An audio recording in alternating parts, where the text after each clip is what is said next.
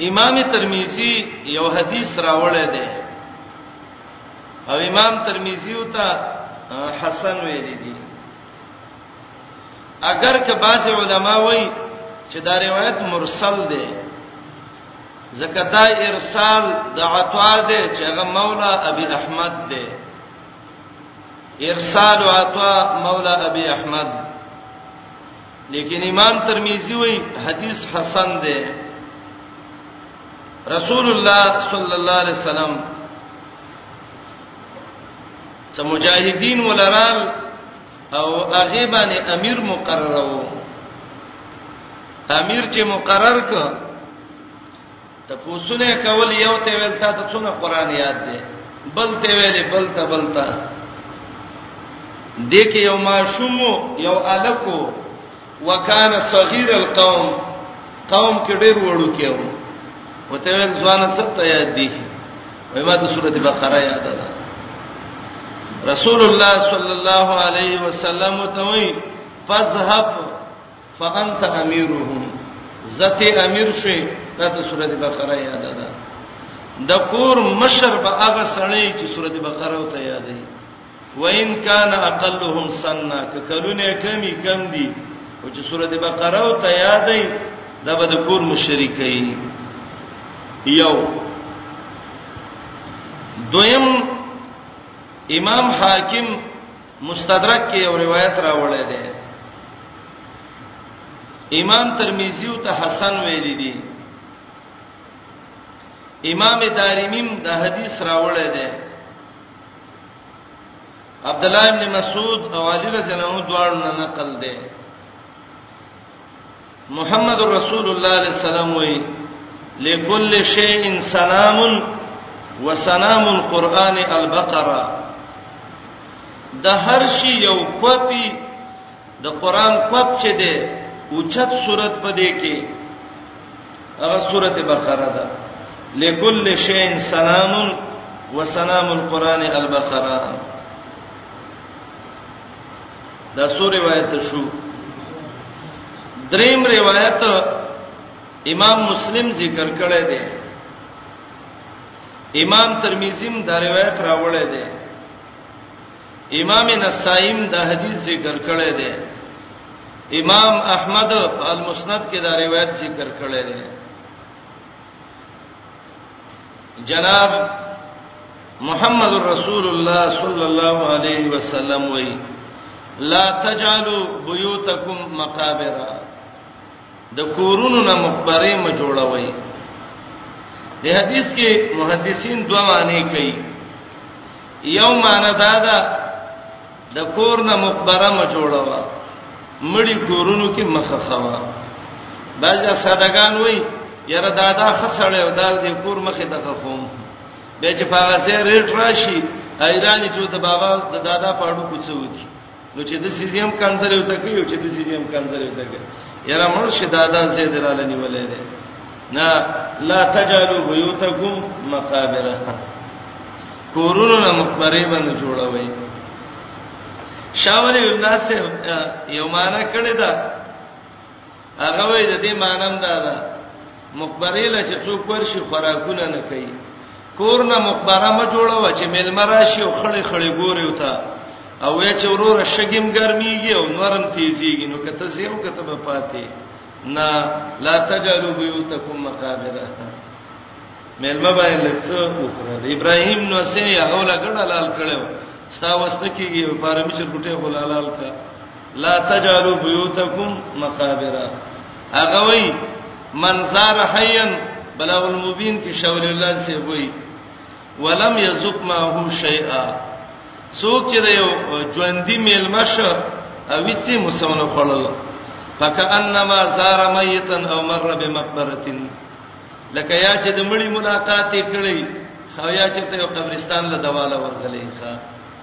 لا تجعلوا بيوتكم مقابر کورن خبرونه مو جوړوي د مؤمن صفت کې سخا وي الله سخي مؤمن ډېر الله تفخي او دا الله نظام دی پیسو باندې چې څون الله سرانی سي هغه نه دغه کیږي رانی سي دی بیرته اسماء د محمد علی السلام خینه و د ابوبکر لوروا او اسما چې و د دې عادت دا د پیسې به سره غونډولې و ځان سبي خدي تاسو ګورئ د بډاو د بډای روپۍ په بازار کې نه غلطي ځکه دا یو ځل تاو کې یو درې مزي ته چاپیر کې به پلاستیکي خلطه کې به تاو کې به ټوټه کې تاو کې به بټو کې ستاسو ته ورکی شي اسما ته نبی عليه السلام ویلو اسما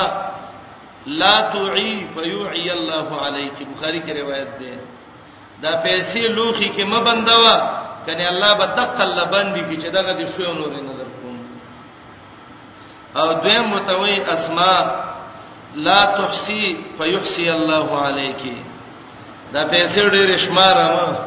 بل کار دې نشه شل روپۍ دې سارې مشمارې نور خاطه کې مشمارې ماسپخین منځو کې به او تلاش کې راوي ما خوستانو د کېږي به کټ کې وای وکی به وشماري لا تحسی فیحسی الله علیک پیسې شمارم الله په برکت دلته ختم کی ما دې حدیث کې سوچ کو او الحمدلله دې حدیث باندې ما خپل عمل کړی دی ډېر فائدې دي کې یو دوه پیدې به ته وایم چې ستاسو د د سنت دی طریقې سستا چې شوق پیدا شي یو طریقې پیدا کړه دا چې الله هغه پیسو کې برکت اچي چې جیب کې پرتی او ډېر شمار نه او دا چا ویل دي محمد رسول الله ویل دي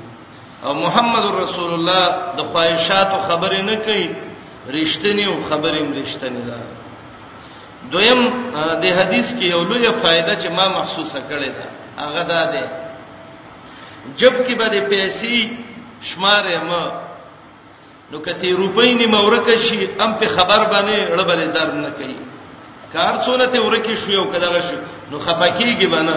او د سې چشماره او 50 روپۍ د نور کې شي ټول ورځ بلاس مګي هاي هاي غرب شوم تبا شو چا باغستی او کنا وسیلې به تختولي نو د دینه خدا د شماره مو جب کې کېدا کورکه شو ورکه شو کو پرته وي پرته وي الله به مدد کوي لا تحصي فيحصي الله عليك اسماء نبی عليه السلام ویلو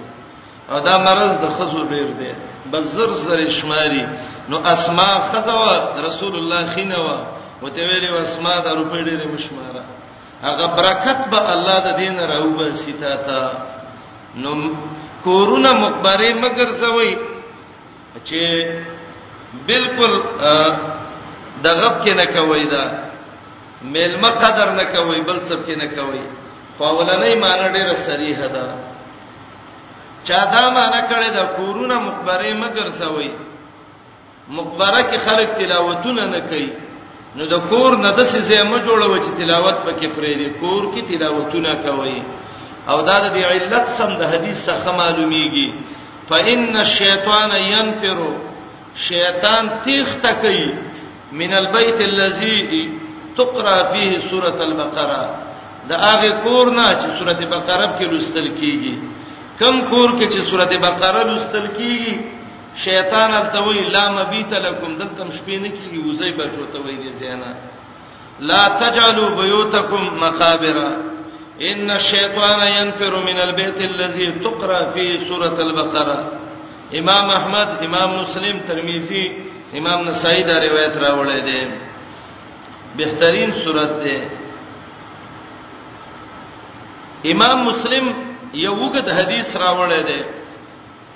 د ابو امامه رضی الله عنه روایت ده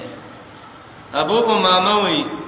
سمعت النبي صلى الله عليه وسلم يقول ما د نبی علی السلام نو ریدلی چې ویل به اقرأوا القرآن قرآن للی فإنه يجيء يوم القيامة شفيعا لأصحابه قران به قیامت کې راځي او د خپل شاګردانو طالبانو لپاره به شفاعت کوي الله دې زمون شفاعت کوونکې وګرځي به وای اقرا الزهراوین هغه د دو ګلونو په شان سوراتونه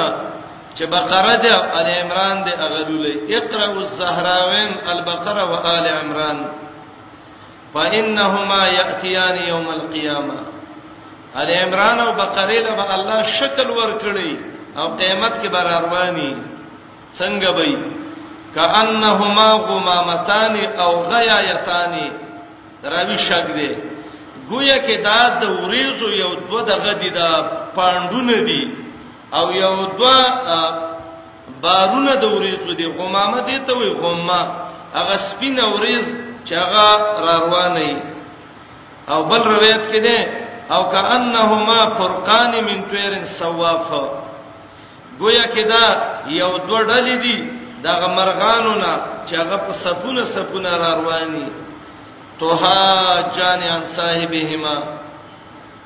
د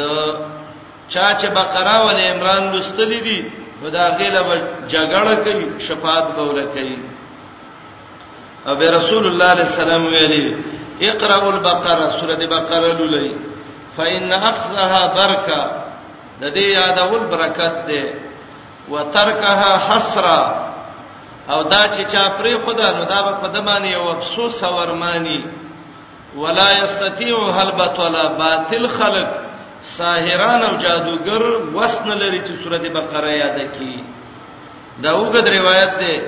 اقرأ القرآن فإنه يجيء يوم القيامة شفيعا لأصحابه اقرأوا الزهراوين البقرة وآل عمران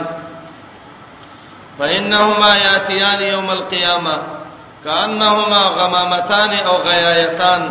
أو كأنهما فرقان من طير صواب تهاجان عن صاحبهما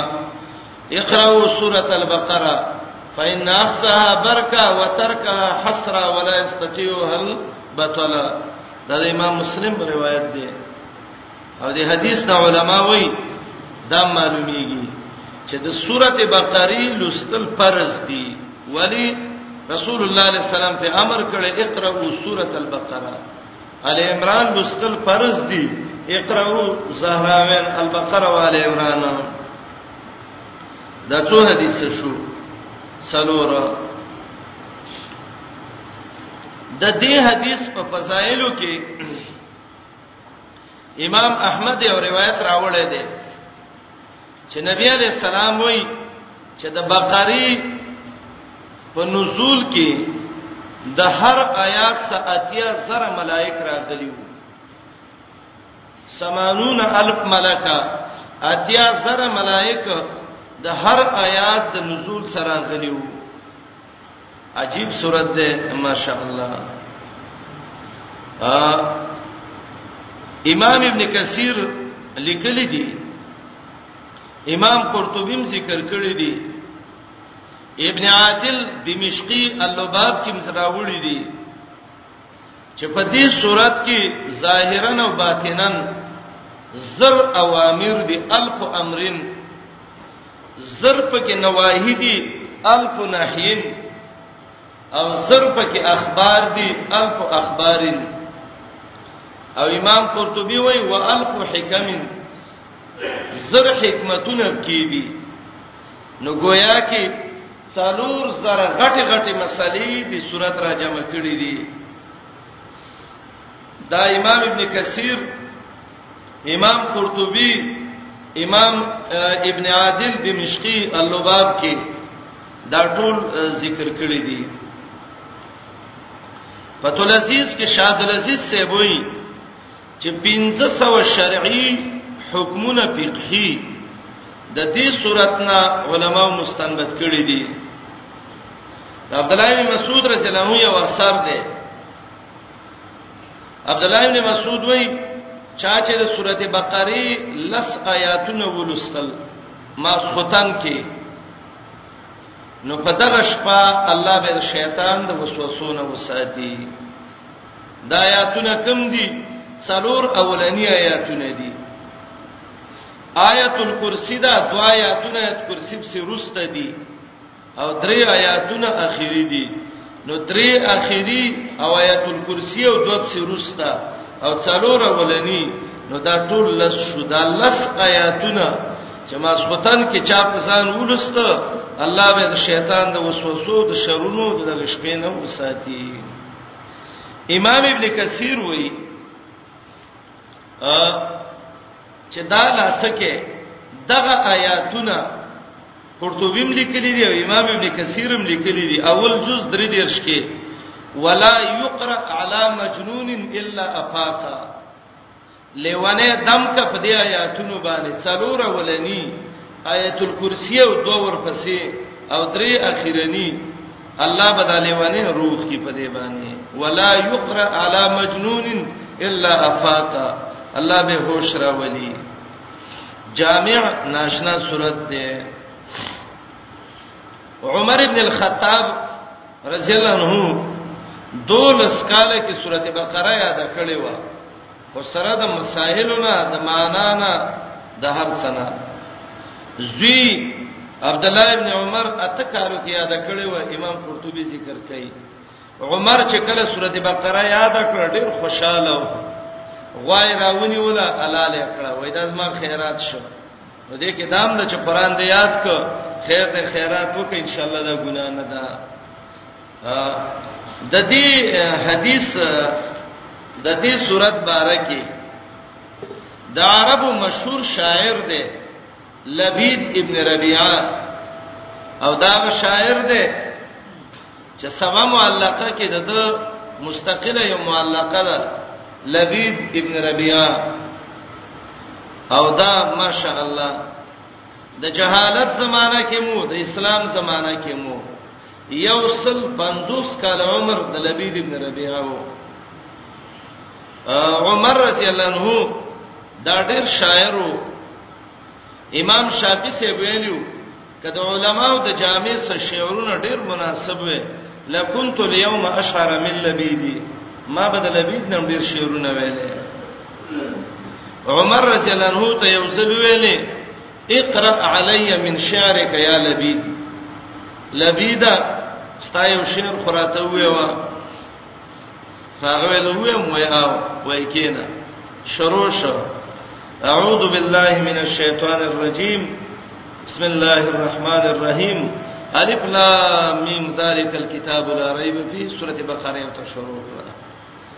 بقره ختمه کړه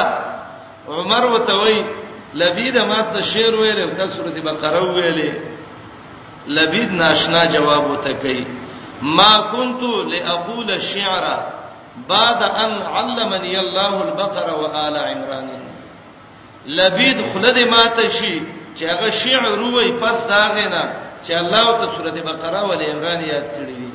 ما بقره او ال عمران یاد کړی دي زما د شعرونو نه توبه ده بل روایت کې دي چې لبید ویلې قد ابدلنی الله تعالی به البقره مال الله د شعر وس کې سورته بقره را کړی ده دریم روایت کې دی قد ابدلنی الله القرآن مال الله قرآن را کزوس په شیرونو څکوم عمر رضی الله عنه څخه خوشاله شو د لبید په خبره باندې سړی راوغخته بیت المال نه به عمر تنخواګانې ورکولې استادانو له وای د لوی څونه تنخوا د رجستر کې نو هغه ورته وای 2000 درهم د لوی تنخوا ده وای 1500 ول نور زیاتې کړه د لوی انعام ده چې د سي عجیب خبره ده وکړه نو د 2000 نه 2.5 تنخوا شو د لوی ده تهذیب الاسماء واللغات اول جز 1592 کې د لبید واقع ذکر کړی دا الاستيعاب په معرفت الاصحاب د ابن عبد البر کتاب اول جز 314 کې د لبید واقع ذکر کړی دا امام ابن قیم په کتاب الروح کې وایي وې سورته بقره کې 15 مثالونه الله ذکر کړی دي 15 امثله پنځلس مثالونه الله دې صورت کې ذکر کړی دي شقیق ابن سلمہ هغه وای دا وایزه یوزل د عبد الله ابن عباس رضی الله عنهما درس کې ناشتوما عبد الله ابن عباس د الله د نبی د ترزوی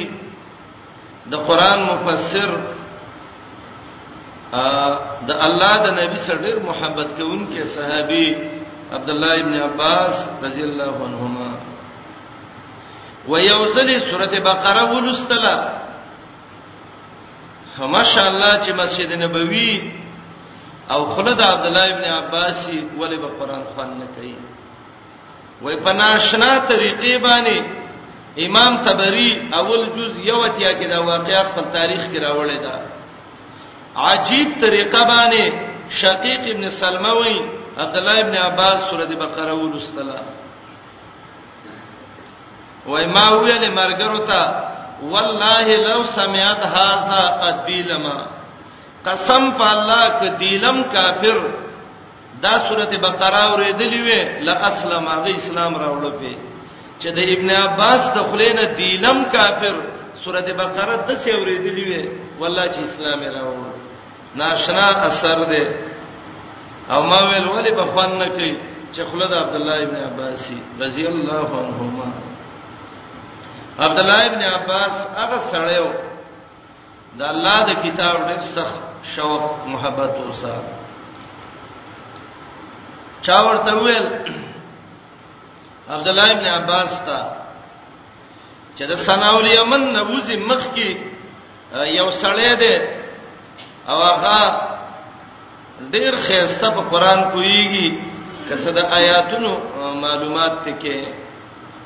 عبد الله ابن عباس روان شو اتی شورزه عبد الله ابن عباس سفر وکړ او کله چې ورور سید نیمه شپه و نو عبد الله ابن عباس سوچ وکړ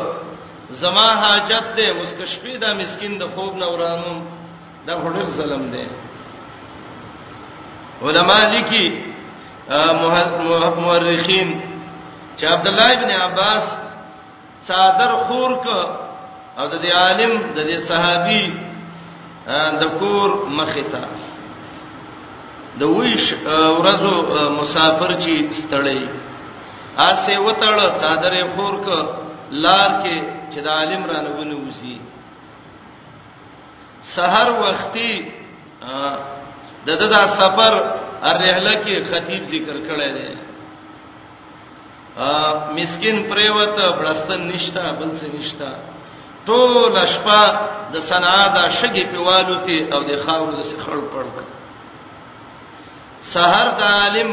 د صحابي ورکو دا وایي چې ورې کولاو کې چې ګوري د کور مخې ته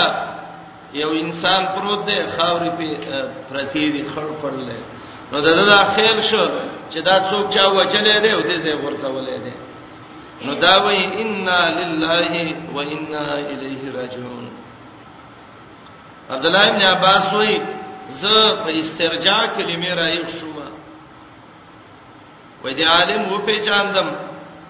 وای ماته چغه کړه یا لکه الست ابن عباس ابن عم محمد صلی الله علیه وسلم ته ابن عباس نه د محمد رسول الله د تر بچي وای مال چې ول نیما وای عالم په جړاش چې الله دې باندې رحم وکي که سبا قیامت کې محمد رسول الله ماته وای چې ستا د کور مخې ته زما د تلوځي باندې ټول شپه خاورې لوتي وي نو تا به پنځولې وي زب سوت په ما عبد الله ابن عباس وایي ما ورته ویل وروره حاجت سما ده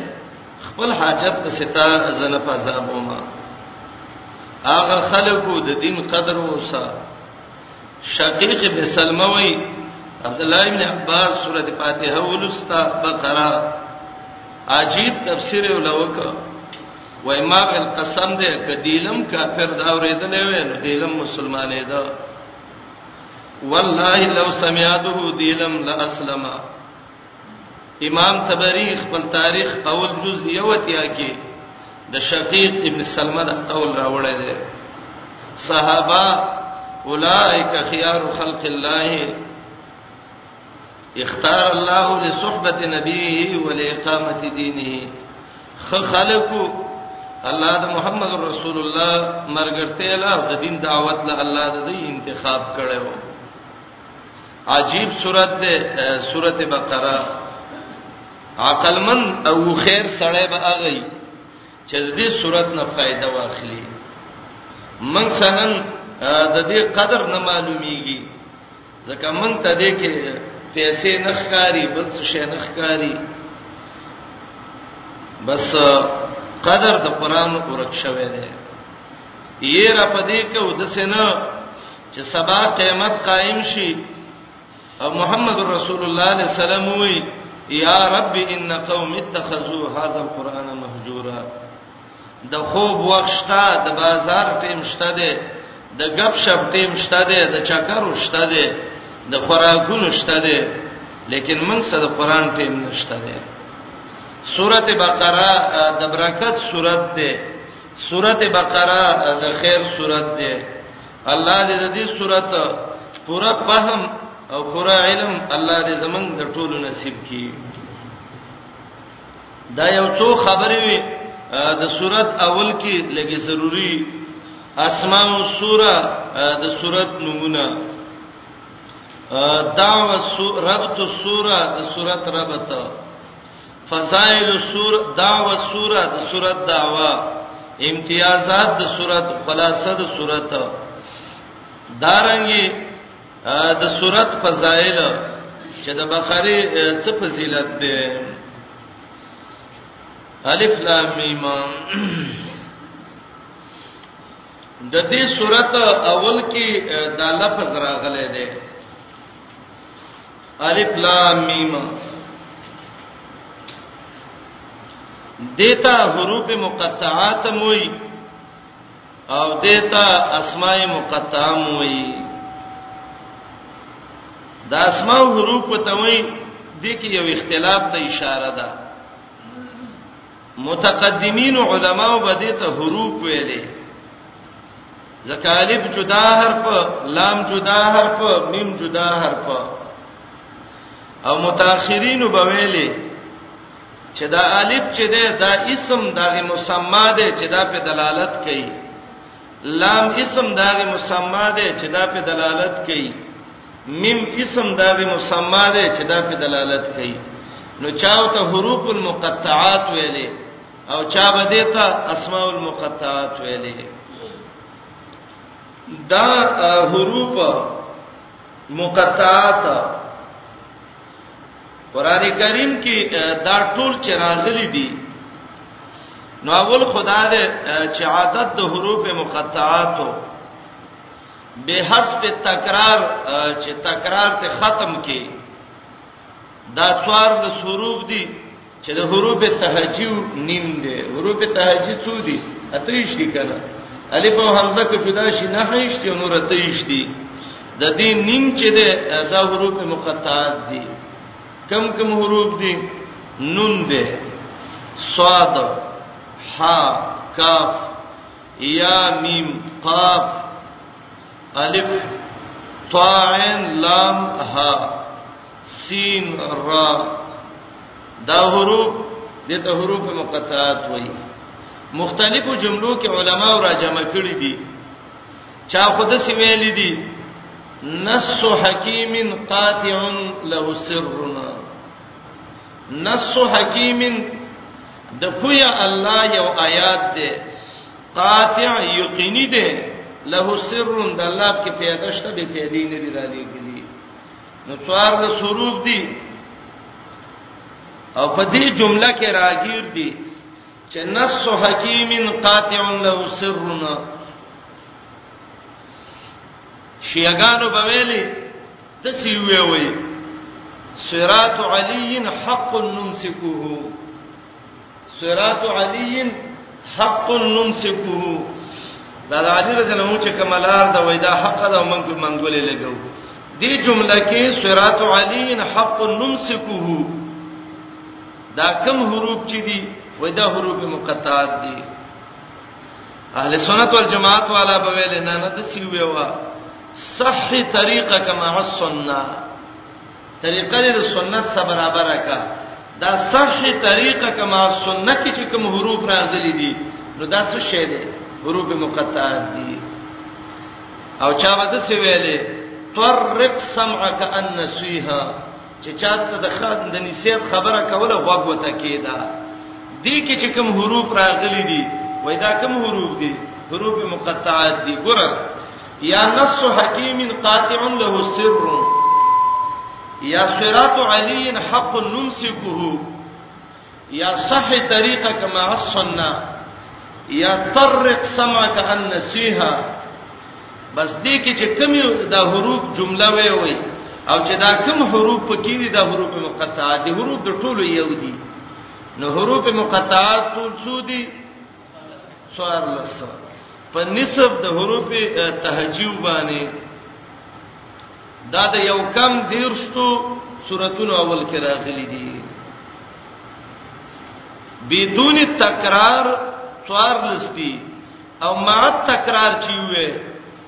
نو دا 78 اتاویا دي نو علما وایي چې اتاویا ما تکرار دي وای نکتب کې دا ده شعب الايمان د ایمان څنګه متاویا یا واوی دي او دا حروف چې دي دام پکې څه دي ما تکرار اتاویا دي قران کریم کې د حروف مقطعات چې راغلي دي دا خبره دلته کوم به بل ځای کې قران کې نه ویو دا پنځو طریقو باندې قران کې مستعمل دي حروف مقطعات قران کریم کې په پنځو طریقو مستعمل دي کله الله مفرد ذکر کړي یو یو صاد قاف نون دا څه دي مفرد مفرد راغلي دي کله الله سنای ذکر کړي دوی یو ځای کړي طه طاسین حامیم وګوره دوه دوه دي کړه طه ها طاسین حامیم دا څو دي سنای دي کله الله ثلاثی کړي درې یو ځای کړي الف لام میم الف لام را طاسین میم دا ګوره ثلاثي راغلي دي درې حرفي ځه کله الله رباعي کړي دي څلور حروف یو ځای کړي دي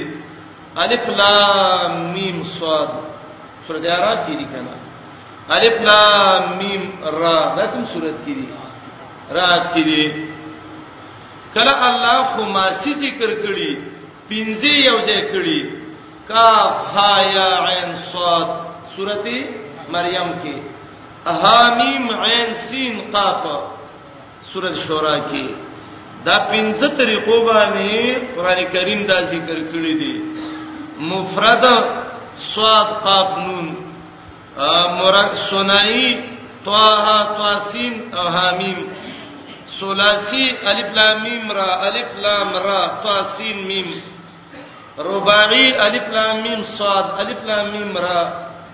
خماسی کاف ها عین صاد ها میم عین سین قاف د دې ته ویل کېږي طرق کتابه المقطعات قران کې څو طریقو باندې راغلي دي پنځو طریقو باندې دې مقطعاتو کې درې عقيدي ډېرې ضروری دي چې دا به یو سړی لري کې ایوا عقیده امام ابن کثیر ذکر کړی دا عقیده دا ده چې دې کې شک نشته چې دا حروف الله را لېګلې دي لا شک انه انزله الله تعالی او وما انزله عبسا الله به پیدا نه دی را لېګلې دي او چا چې دا عقیده وساتله چې دا به پیدې دی او معنی نشته دی نو فقط اخطا دا سړی خطا شوه دی او امام ابن کثیر وایي ونحن نتوقف فيه منګب کې توقف کولی لعدم ثبوت المعنى من النبي المعصوم ځکه معصوم پیغمبر محمد رسول الله مونږ ته معنا نه ده خودلې دا ولنې عقیده ده امام ابن کثیر راوړی ده چې الله نازل کړی دی او به پیدې نه دي نازل کړي او دا عقیده چې څوک لري چې د دې معنی نشته دا خلک خطا شوی دي خو منګه معنی کې توقف کوو ځکه د نبی معصوم نه مونږ ته دې کې نقل نه دی راغلی او عدم نقل خو دلیل وای د منع دی دا اولنې عقیده ده دا چا ذکر کړی دا امام ابن کثیر دویمه عقیده امام سیوطی ذکر کړی دا امام سیوطی وایي دا حروف چې الله رب العالمین په کوم صورت کې ذکر کړی دي دا دا صورت سم مناسب دي لکه سورته قاف کې قاف راوړل کنه دا دا صورت سم بالکل مناسب دي د سورته قلم کې نون راوړی دی دا د مضمون د دغه قلم سره مناسب دی سورته سواد کې څه راوړی دی سواد دا سره مناسب دی اگر کومنګ په مناسبت نه پویوګو لکه وګورئ کنه سواد کثرت خصومت ته ډیرو جګړو ته او سورته سواد کې د مخالفینو د خصومتونو او جګړې دي د پیغمبرانو سره نو دویمه معنا د کوم سوراتونو کې چې رب دا حروف راوړي دي هغه د مضمون د دې صورت سره بالکل مناسب دي اگر کومه په مناسبت باندې ذهن کار نه کوي الله خپويږي ګوره سورته بقره اول کې الف لام میم راوړل او سورته اعراف کې الف لام میم صاد راوړل څه دې کنه هغه دل ترانه وړو دایل ترانه وړو الله دې پويږي کنه دا الفاظ د دې صورت سره او هغه الفاظ د هغه صورت سره چاپ کې دا وجه ویلې ده چې کوم هو صورت کې چې کوم حروف ډیر راغلي دي الله ته حرف ذکر کوي خو الله اعلم باسرار کتابه وبحکم معانیه الله د خپل کتاب پر ازونو باندې ډیر خپويږي دا څو عقیده شوې دوا درې ما عقیده دا ده چې شروع په دې حروف باندې او استعمال د دې حروف دا دلالت کوي په فصاحت او بلاغت د قران باندې چې قران کریم ډیر فصیح دی قران کریم ډیر بلیغ کتاب دی ګوره د سینا آشنا الفاظ پکې شته دي چې عربي د عربانې په معنی نه کويږي نو شروع په دې حروفو استعمال د دې حروفو دا دلالت کوي په فصاحت باندې او دا علامه ده د بلاغت د کتاب الله دا درې عقیده به منګ او تاسوی د حروف مقطعات مبارکي ساتو اولنې عقیده امام ابن کثیر ذکر کړی دا رستنې دواړه عقیده امام سیوطی ذکر کړی دي فوائد المقطعات قران چې دا مقطعات سوراتونه ذکر کوي د سوراتونو اول کې دا حروف مقطعه راوړي د دې څه فائدہ ده کمی فائدې دي د کمی پیدې د وجنا قران کریم کې مقطعات ذکر کیږي نو یو وخت فائدہ خدا د علما وایي کبه عنان العالم عن التعرض لها کبه عنان العالم عن التعرض لها کبا ها کبها خپل معنی د بندول مولا بندای چې اے مولا ته غټ مولای واګی دی بند کا وره متشابهاتو کې ورننه نوځي اخوا علم دې ډیر دی خو د قران په ولنی حرف نه پويږي مستبس علمي کبه عینان العالم عن التعرض لها دا اولنې پیدا علما ذکر کوي بندول د واګو د عالم د دینه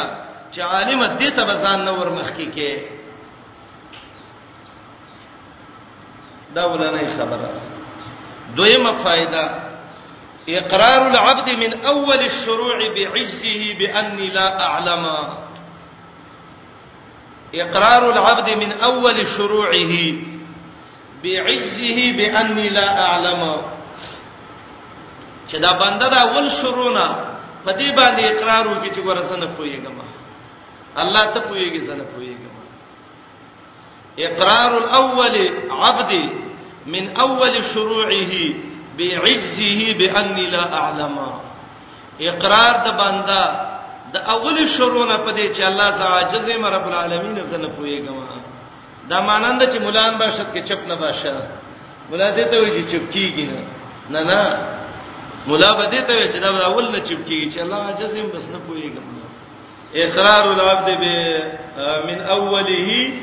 بعزه باني لا اعلم دا فائدہ د پال مقطعات کې دریمه فائدہ دا د التحدي للكفار تفسیر بیزاوی وی وای دا مقطعات چې الله قران کې ذکر کړی دي نو فتحد الله بادنا سورتنا الله دې کافرو له چیلنج ور کوي اے کافرو تاسو چې وای وای دا قران دې پیغمبر د ځان نه جوړ کړی دی نو دا پیغمبر عربي دی قریشي دی تاسو عربي قریشي نه وای قران عربي دی راشد الف لام میم د دې معنی وکړي التحدي للكفار تحدي عربی کې چیلنج ته وایي ته ته زما اعلان دې دا مقابله وکړه دې ته تحدي وایي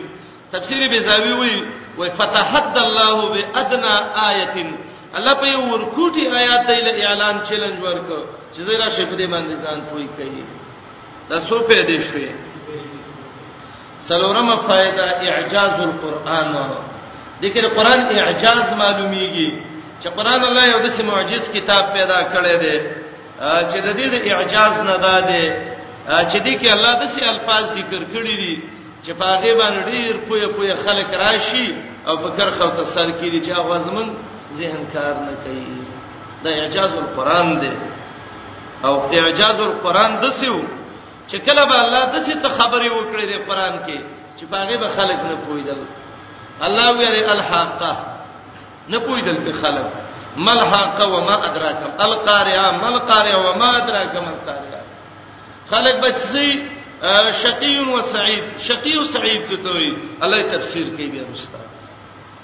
او دا کله کله الله د سکی د سی یو لفظ ذکر کی چې هغه بالکل مناسبی لیکن مخاطب په دې باندې غلې کی یا جاز القرآن کې عالم ذکر کړی دی وای کله چې مشرکین مکه او د قرآن د الفاظ واوریدا دا عجاب او کبار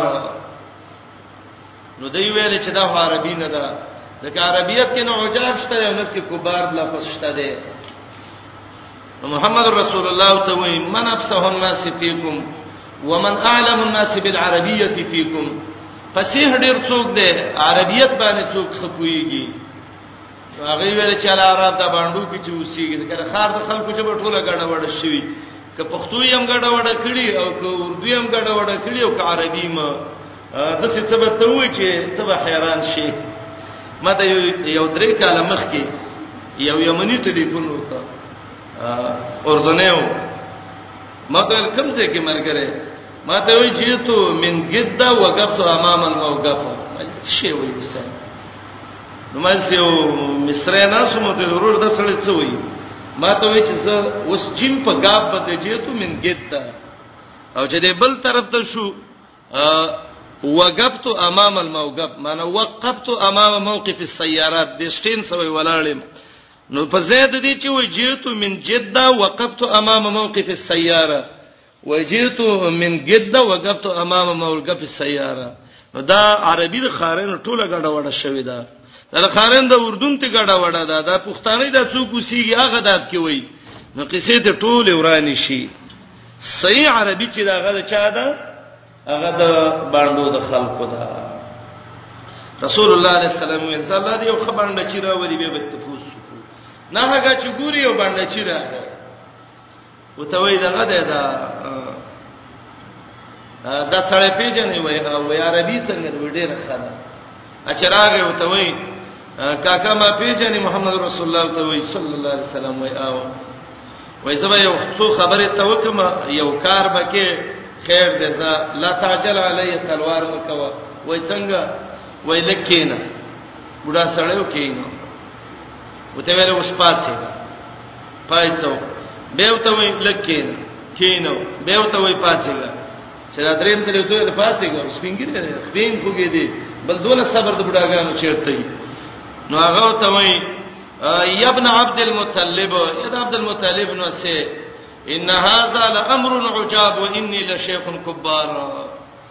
دا خو یو عجیب کار دی زه ډیر سپینګری نه تولې ما پاسه به کله مې کینې او کله مې پاتې رسول الله علیه السلام ویل وګورئ ته وجاب کباری یو کنه نو هغه ویل دا خو ته جادو په وکړه ته جادوګری او جادو دی په وکړه او سحر دی په وکړه نو دې ته تحدی و اعجاز القرآن ویل کی قرآن کې الله د سی او عجزي خې دی د لبید چې وو سورته کوثر ویو او چې کله دا سورته ویو ان اتینا کل کوثر فصل لربک وانحر ان شانئک هو الابتر نو دا یو سورته جوړ کړو د دې مقابله کې ان اتینا کل جماهیر فصل لربک وجاهر ان شانئک هو کافر مله جمهوریت درکړو ښکارا جمهوریت چلاوه چې څوک یې نه مني کافر دی یو طرف ته دا او بل طرف ته دغه او دا سورته کوثر نو لدید چې سورته کوثر ولسته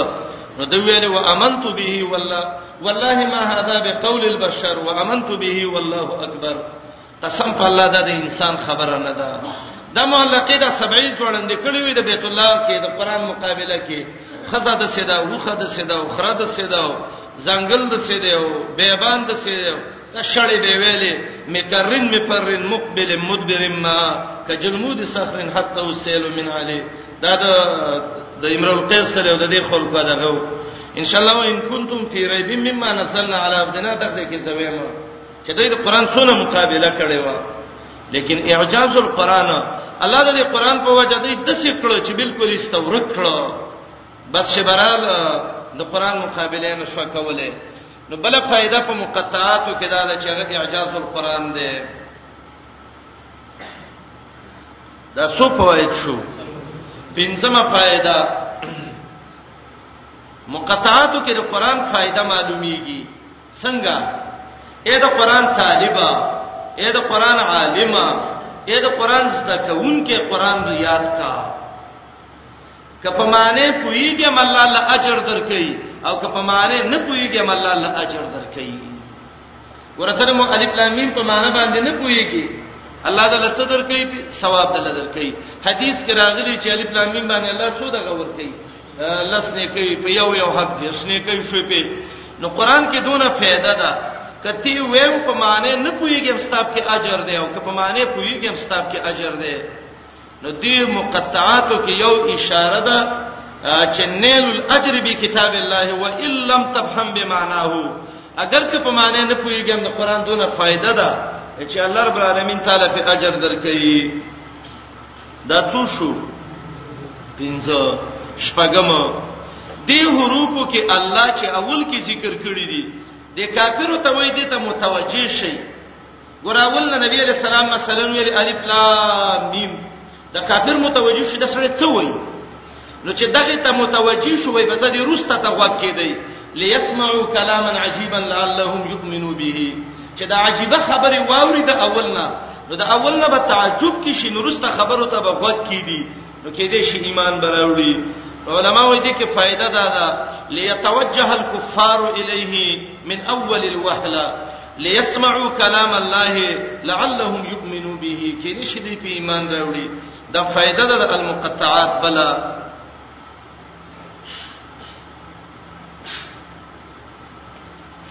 ومه فائدہ علما ذکر کوي او دا ډېر سری نصر دا ډېر عجیب فائدہ ده علما وایي دا مقطعات چې الله ذکر کړی دي نو فيه التنبيه العظیم لوی خبرداری کې الله ذکر کوي چې کوم صورت چې داغه په اول کې مقطعات راغلي نو هغه صورت کې ګوري التبه نکته دقیقې اسرار لطیفه به عجيبه عجيبه خبرې به کوم صورتونو کې چې مقطعات راغلي دي التبه باریک باریک نکته د علم د قران دی صورت کې التبه باریک رازونه التبه عجيبه عجيبه لطائفي وكل سوره وقعت هذه الحروف فيكون في السوره النكت الدقيقه والاسرار واللطائف العجيبه د علم ذکر کوي اتمه فائدہ د مقطعات ودا دا کمال علم الله دا الله ډیر پوره علم دی ګوره دون عالم دی چې د سیل پازم د الله سشته چې بندگان یې پلا پوی کړی نه دي دته مقطعات ویل کیږي د دې مقطعات مبارکي دلته د الف لام میم د سورته اول کې راغلي دي شاه عبد العزيز رحمه الله په تلزيز کې شپارس تعویلونه دي کې ذکر کړی دي شپارس معناګانې کړی دي لیکن دغه د څه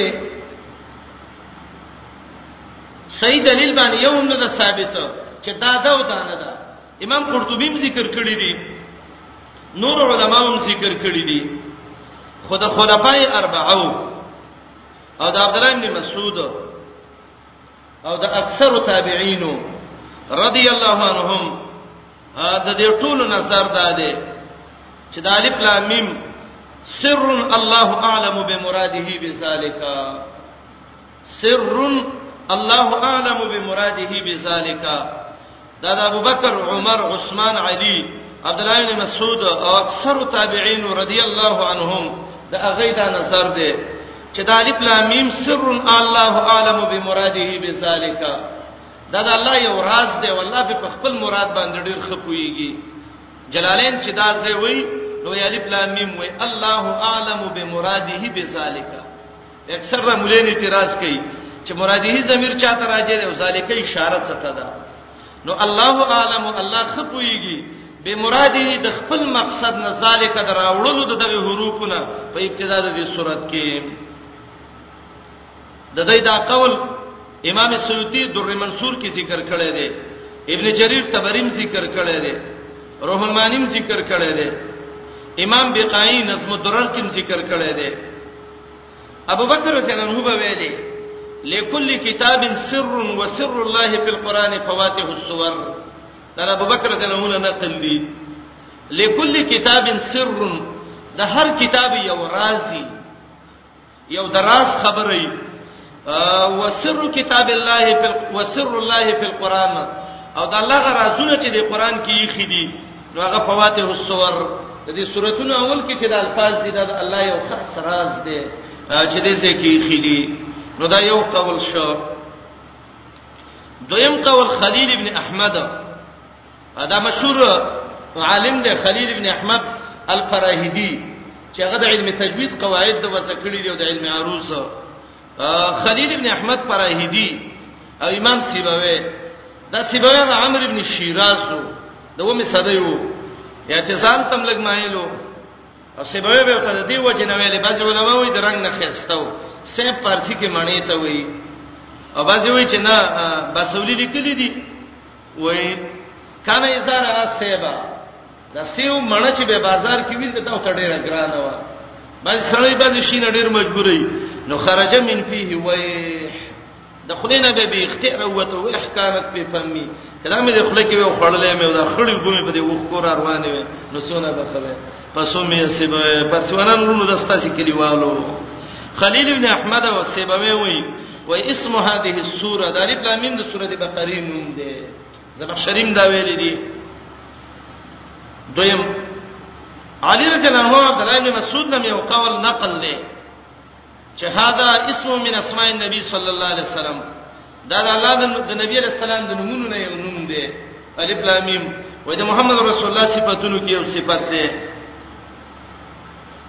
سلورم قول سعید ابن جبیر وای وای هاذا من اسماء القران قران کریم ډیر نمونه دی یو پکې الف لام میم هم دی بس دا قران یو نوم دی عبد الله بن عباس رضی الله عنه بده سیمه او قول ته چا کړی دی چې الف معنی الله او لام د جبرئیل ته مراد دی او میم محمد رسول الله علیه السلام او په خبره خلکو د سویلې ویلام د الف نه میم لسره وړي دي یعنی جبريل د الله نه محمد رسول الله له سره وړي دي وای خو ذالک الكتاب دا کتاب راوړل دی کنه لام جبريل او مم محمد رسول الله الف مان الله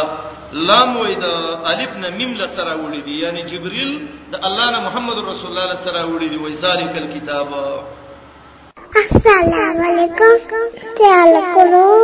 کې پخپلو دعا غانا کې حتا ته شپږم چا دا ویلي دي چې دې کې اشاره د تعلیم د عبادت ته چې بندگانو راشي د حرفونه یاد کړي الف په پیژنې او لام په پیژنې او میم په پیژنې وم تفسیر بزاوی وی دې کې د مشرکینو دغه استحزاء دی پاده مشرکین ویل د ځان نه جوړ کړي الله وی چې ځان نه جوړ کړه شته د سیو جوړ کوي وځه اتم بعض علما وی چې دلته صحابه رال رسول الله علیه السلام ته ویلي نبی علیه السلام راغلیو نو هغه د وای د ابو جدو په طریقې ویلي الف لام میم الف وای ابو جدو کې یو دی او لام دیرش دی او میم څولېخ دی دا ټول یو وی حرف شو وته وی چې یا رسول الله یو بیا کې به مونږ کني کامیاب شو وای نبی علیہ السلام ته ویل کاف ها یا عین صاد اولې نشي کامیاب دي یو بیا نورسته به کامیابېږي به خدای روایت صحیح دي حقیقت صحیح نه دی معلومه وای دا دې دې ته اشاره ده چې د یو بیا نه بعد واستاسي کامیابی الف لام میم او یا کله نه کې به کني کامیاب شو رسول الله ته وی چې نه کاف ها یا عین صاد دغه حروف حساب ابو جد سوی دین رسته به کامیابی کوي حدیث ضعیف مما لا استله بس یو ځان نه چت شی جوړ کړي دي نه هم قوالدار سر استاثر الله نبیه بعلمه بزاوی وی دا سر بین الله والرسول بس دا الله او رسول یو خپل منځ کې راز دی الله په نبی پوی کړي او محمد رسول الله په موږ نیو پی کړي سر بین الله و بین نبیه لسم چا دا ویل دي وای دي کې صرف انقطاع ده د کلام اول او ابتدا ده د کلام ثانی لکه کتابونه چې ذکر کوي دا فصل دی او پلانې دی استانی بلامی می راوړي مخکې خبر باس ختم شدا نه وې شروع شو یو لسم دار چې دا قسم کړی دی الله الف لام میم حروف قسم دي زماره قسمی چې ذالک الكتاب لا ریب فیه دا به شک کتاب مرا لګلې دی چا ویل دي چې نه الف او لام او میم دې کې اشاره ده الف معنی الاصل لام معنی لازم او میم معنی الاتباع نو معنی دا ده الاصل اللازم ذل اتباع هو کتاب الله عز وجل هغه اصل چې هغه لازم دی او لازم الاتباع دی هغه الله کتاب دی الاصل اللازم هو اتباع کتاب الله چا دا ویلي چې دې کې مخارج ته اشاره کړې ده تاسو په کتابونو کې ویلي کنه شپږ مخارج حلقیه دي هر په حلقه شش کو دا قصه وی ابا او څلور مخارج دي حروف چې هغه د خلی باندې ادا کیږي با میم پا او بمپو کې چې دا کوم حروف دي دا حروف شفویه دي او څو وسطیه دي الله درې واړه حروف راوا صلیف د حلق نه راوغسته لام د وسط نه راوغسته میم د شفویه نه راوا سویتی لیکلي دي و دې کې اشاره وکړه مخارج الحروف ته د الله دین ویوانو خکته مخرج کې مو ویو د منځنی کې مو ویو د برنی کې مو ویو والله عالم سوار لسمه چلا وجه ذکر کړی دا چې هاذا تعریف القرآن د قرآن تعریف د قرآن څه شی الف لام میم دی کنه هاذا تعریف القرآن شپارسم دا چې دا تهدید او زورنه د کافر ولا او اعلان د تهدید د مقابله اعلان وته کوي اے کافرو تاسو وی چې دا قران دی محمد رسول الله د ځان نه جوړ کړی دی راشد الف لام میم د عربیت نه جوړ شوی دی فاتو به صورت من مثلی فاتو به حدیث من زدی سی حدیث خبره خورا وړی کړه دا مختلف اقوال علماو ذکر کړی دي کې دې شی پلانې مرادي کې دې شی پلانې مرادي کې دې شی پلانې خو خبره ده دا چې دا حروف مقطعات دي الله بس نه دی را لېږلي کم صورت کې چې راوړي دا صورت مقابل مناسب دی او اعجاز د قران په هغه باندې ډېر ښه معلومیږي بسم الله امداد غواړم په شروع کولو کې فنم دا الله چې را لېګلې کتاب تقوا او پرهیزګارۍ لا بسم الله الذي انزل الكتاب للتقوى الرحمن الذي عم بني اسرائيل بنعمه هغه ذات چې بنی اسرائیل خپل نعمتونو باندې عام کړی دي الرحیم اغساد خص نبینا ببحثته من ولد ابراهیم علیه السلام بعض علما داری بسم الله یو معنی کوي د ټولو یو معنی کوي مهایمی او تفسیر سراج المنیر خطیب شربینی هر صورت کې د هر بسم الله جدا جدا معنی کړی دا وای چې دا د صورت د مضمون سره برابر شي نو اوس په معنا د صورت ټول ادا شي بقره د شروع کې دلته بسم الله الرحمن الرحیم خاص معنا وکا بسم الله خاص امداد غواړم په شروع کولو کې پنوم د هغه الله چې را لګره کتاب تقوا پرېزګارای لا حسي الله الرحمن چې عام کړی دی بني اسرائیل په خپل نعمتونو باندې الرحیم هغه الله چې خاص کړی دی محمد رسول الله صلی الله علیه وسلم په بعثت باندې د اولاد د بابا ابراهیم علیه الصلاۃ والسلام نا الف لام میم الله پویږي په خپل مراد او په خپل غرض دراوړلو د دې حروفونه په اول د دې صورت کې بالکل وسه مناسب دي ابس یې نه دی را لګلی د قران اعجاز ته معلومیږي خو الله په کویږي منګه په نیو کوی کړي الله عالم باسراره یا بمراده بذلک په خپل مراد الله ډېر خپويږي د دینه دا تمهیدی خبره وي دوه مسائل یو تمهیدی خبره په ابتدا د صورت کې دویم بحث المقطعات ذالک الكتاب لا ریب فیه هدى للمتقین آیات کې ترغیب او عظمت د قران دی درې صفاتونه قران کریم ذکر کړي ان شاء الله انده درسونو کې به د دې وضاحت کوو جمعه ورځ د زمون خطبه مې نن درس شوټي دی ورځ اللهم صل علی محمد وعلى ال محمد كما صليت على